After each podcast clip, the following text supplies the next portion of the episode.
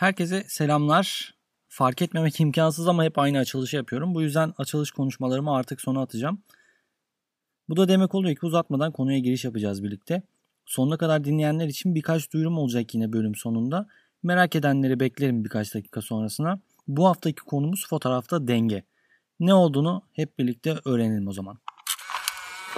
Denge iyi kompozisyonun en az tartışılan ilkelerinden biri. Ancak belki de en önemlisi. Fotoğrafçılar bilinçli veya bilinçsiz olarak her görüntü için önemli bir karar veriyor. Kompozisyon dengeli mi yoksa dengesiz mi olmalı? Bir dereceye kadar her fotoğrafın hem denge hem de dengesizlik unsurları vardır. Bu da bu konuyu görüntülerinin gücünü en temel düzeyde iyileştirmek isteyen fotoğrafçılar için çok önemli hale gelir ki birazdan anlatacaklarımdan dolayı ne anlattığımı da tam olarak anlayacaksınız. Nedir bu denge kuralları hemen anlatmaya başlayayım o zaman. İlk olarak sağ ve sol dengesi. Bir fotoğraf mükemmel şekilde dengelendiğinde fotoğrafın sol ve sağ yarısının eşit olarak göze çarptığı anlamına geldiğini biliyoruz. Yani sol sağ bölüm fotoğraflarınızda denge açısından gerçekten önemli olan tek bölüm. Üst alt dengesi bir görüntünün ne kadar eşit ağırlıklı göründüğü üzerinde çok az etkiye sahip. Aynı şekilde diğer insanları kabaca simetrik olarak görüyoruz. Ancak bu yalnızca sağ sol eksen için geçerli. Böylelikle tüm konuların altta olduğu bir fotoğrafınız olabilir ve sol sağ yarım görsel ağırlıklarında eşitse yine de dengelenebilir. Bir dayanak noktasına bir fotoğraf koyduğunuzu hayal edin. Her iki tarafın özellikleri de benzer şekilde göze çarpıyorsa görüntü dengeli kabul edilebilir. E bir de dengeye karşı bir dengesizlik söz konusu. Denge veya denge eksikliği doğal olarak resimlerinizin az ya da çok dingin görünmesini sağlayan bir durum. Dengeli bir görüntüyle çerçeve görsel dikkati bir tarafa ya da diğerine çarptıran bir çerçeveden daha sakin. Bu şöyle bir imaj getirin aklınıza hemen canlandıralım kafamızda. Her iki tarafa siyah düz çizgi koyun sağ ve sol tarafa. Ortaya da siyah büyük bir daire çizin. Çok basit bir şekilde göz yormayan bir denge söz konusu var burada. Aynı daireyi sol çizgiye yerleştirmeyi hayal edin bir de. Yani sol çizgiye daha yakın bir yere konumlandırın aklınızda ve düşünün. Başkaları farklı görse de e, ilk hayal ettiğim resim bana çok daha huzurlu görünüyor. İkinci kısımdaki görüntü de tersine daha gergin bir şekilde sanki çerçevedeki bir şeyi değiştirmek üzereymiş gibi mevcut haliyle sabit görünmüyor. Elbette hani farklı insanlar bir görüntüyü diğerine tercih edebilir.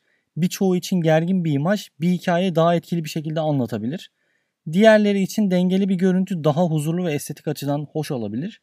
Her şey iletişim kurmak istediğiniz ruh haline bağlıdır aslında. Bu yüzden de bence e, farklı bakış açılarına ve farklı eleştiri yapan insanların eleştirilerini olumlu bir şekilde ya da yapıcı bir şekilde almaya açık olmalıyız. Fotoğrafta dengenin bir diğer konusu da simetri. En belirgin denge türü. Görüntünün sol ve sağ yarıda aynı olduğu denge türü.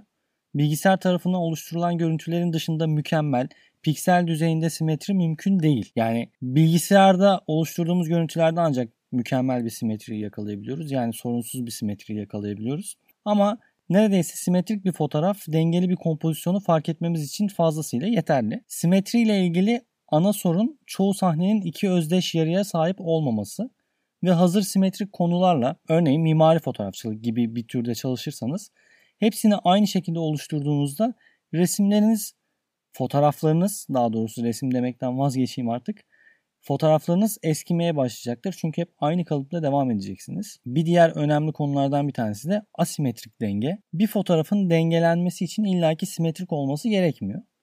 Bir fotoğraf düşünün. Gün batımında deniz kenarında çekim yapıyorsunuz. Güneş fotoğrafın sağ kenarında kalıyor ve kompozisyonun en önemli parçalarından biri aslında güneş. Ama fotoğrafın soluna asimetrik bir şekilde yerleşecek denizdeki dalga da konuya farklı bir denge sunacak çoğu örnekle fotoğrafın her yarısının eşit derecede dikkat çeken bir özneye sahip olduğu bu kadar açık düşünülmeyebilir. Örneğin ana konu görüntünün bir tarafında olabilir ama diğer taraftaki birkaç küçük konu çerçeveyi dengeleyebilir.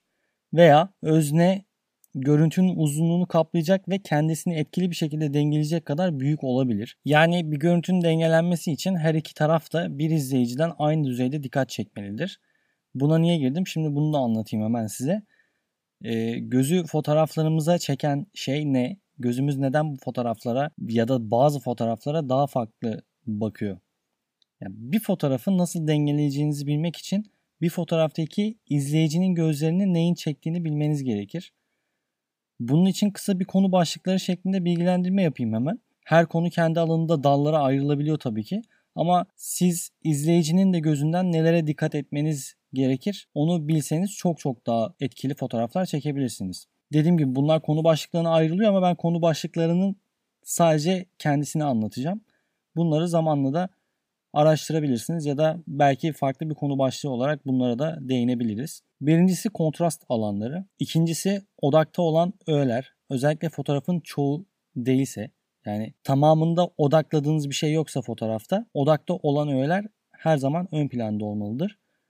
Parlak noktalar, doymuş öğeler yani saturasyon bakımından doyumluluğa ulaşmış öğeler, sıcak kırmızı sarı renkler, büyük öğeler, insanlar ve daha az ölçüde belki hayvanlar, öznenizin gözleri, konunuzun baktığı yön boş bir alan olsa bile izleyiciler konuyla aynı yöne bakmak isteyeceklerinden dolayı görsel ağırlık kazanıyor. Bu kesinlikle e, kapsamlı bir liste değil dediğim gibi ama başlamak için iyi bir yer. Fotoğraftaki bir öğe görüntünün geri kalanına kıyasla öne çıktığında bir miktar görsel ağırlık tutuyor. Yani bir miktar o görsel ağırlığı tutabiliyorsunuz o fotoğrafın üzerindeki etkide.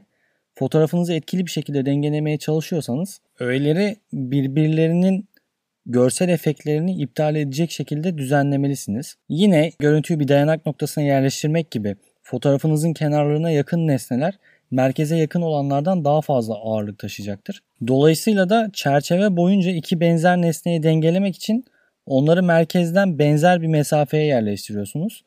Veya kompozisyonunuzda sadece bir tane önemli nesne varsa en dengeli kompozisyon onu merkez çizgisine yerleştirmek olur. Aslında her zaman anlattığım konuların en önemli kısmı bunları hayata geçirmek oluyor. Burada anlatırken kolay ama uygularken ne yapılması gerektiği konusunda bazen kala kalmak diye bir şey vardır ya. Öyle kalabiliyoruz. Peki dengeyi uygulamaya geçirmek kısmında neler yapmalıyız? Hemen bunu da anlatalım. Bir görüntünün dengesini değiştirmek için çerçevenizin sol ve sağ yarısına hızlıca bakabilirsiniz. Az önce bahsettiğim önemli öğeleri kontrol ederek her bir tarafta kaç tane önemli görsel olduğunu zihinsel olarak not edebilirsiniz. Her bir nesnenin çerçevenin merkezine olan uzaklığını düşünmeye özen gösterebilirsiniz. Normalde dikkat çekmeyen nesneler bile fotoğrafınızın kenarına yakınsa açıkça bunlar görünecektir. Yani kompozisyonu zevkinize göre ayarlayın. Çerçeveyi her iki tarafta eşit görsel ağırlığa sahip olacak şekilde kaydırın veya dikkat dağıtıcı nesneleri kompozisyondan tamamen çıkararak daha dengeli bir hale getirebilirsiniz bu durumda. Ya dediğim gibi şimdi bu elbette ki bir pratik gerektiren bir şey. Ancak bileşimsel denge hakkındaki bilginizin çoğu sezgisel. Bu nedenle yeni başlayan arkadaşlarım durum ne olursa olsun konularını her karenin tam ortasına koyma eğilimindeler. Doğamız gereği dengeli fotoğraflar çekme eğilimindeyiz ve doğru uygulama bunu daha karmaşık sahnelerde nasıl başaracağımızı bize gösterebilir. Yani her zaman doğru uygulamaları bir yerde tutun. Ama tabii ki fotoğrafın anlattığı e, kompozisyonun oluşumu her şeyi daha farklı bir şekilde etkileyebilecektir. Bundan da eminim. Dediğim gibi yani dengeyi doğru oluşturabilme kuralları işte anlattıklarım ve bunları uygulama şekli hep sizin cebinizde bulunsun. Huzurlu görünmesi için fotoğraflarınızın tamamen dengelenmesine gerek yok. Yine de bir fotoğraf oluştururken büyük ölçüde dengesiz çerçevelerin izleyicilerde gerginliğe neden olacağının da farkına varmak bence çok önemli. Bu hedeflerinize bağlı olarak mutlaka kötü bir şey değil. Ama gerilim birçok fotoğrafçının fotoğraflarında kaçınmaya çalıştığı da bir şey. Dengesizliği tek başına ele almak gerekirse de bazı fotoğraflarda aslında birçok fotoğrafta diyeyim bir dereceye kadar dengesizlik gerekli. Bir sahnenin hareket ve gerilime sahip olması için kompozisyonunuz sahnenin çerçevenin bir tarafından diğerine mükemmel bir şekilde eşit olmamasını gerektiriyor. Buna da görsel olarak burada anlatmak mümkün olmadığı için sizi hayal gücünüzle baş başa bırakmak bazen hoşuma gidiyor. Çünkü hayal ettiğiniz bir şeyi gözünüzde bilerek canlandırdığınız bir şeyi unutmak, görsel olarak gördüğünüz bir şeyi unutmaktan daha zor. Bir fotoğraf hayal edelim birlikte şimdi. Fotoğraf kompozisyonun her iki yarısı arasında eşit ağırlıkta değil. Sol taraf daha parlak ve daha kontrastlı. Ayrıca görüntünün ana konusunu içeren kısım. Ana konumuz yine deniz manzarasında siyah beyaz bir fotoğraf olsun bu. Uzakta görünen 3 ada parçası ya da denizin içinden yukarı doğru çıkan kaya parçalarını düşünün. Bununla birlikte sol tarafa yerleştirdiğimiz bu kaya parçaları çerçevede o kadar eşitsiz olmuyor ki dikkat dağıtıcı ve kesinlikle bir izleyiciyi rahatsız etme noktasına da gelmiyor. Dengesiz bir görüntünün gerginliği bu özel düşündüğünüz aklınızdan geçen fotoğraf karesi için çok uygun oluyor. Tabi burada bunu hayal etmek bayağı zor olacak ama birkaç defa geri sarıp dinlerseniz tam olarak o fotoğrafı gözünüzde canlandırabileceksiniz. Onun dışında da dikey çerçeveleri dengeleyebilirsiniz.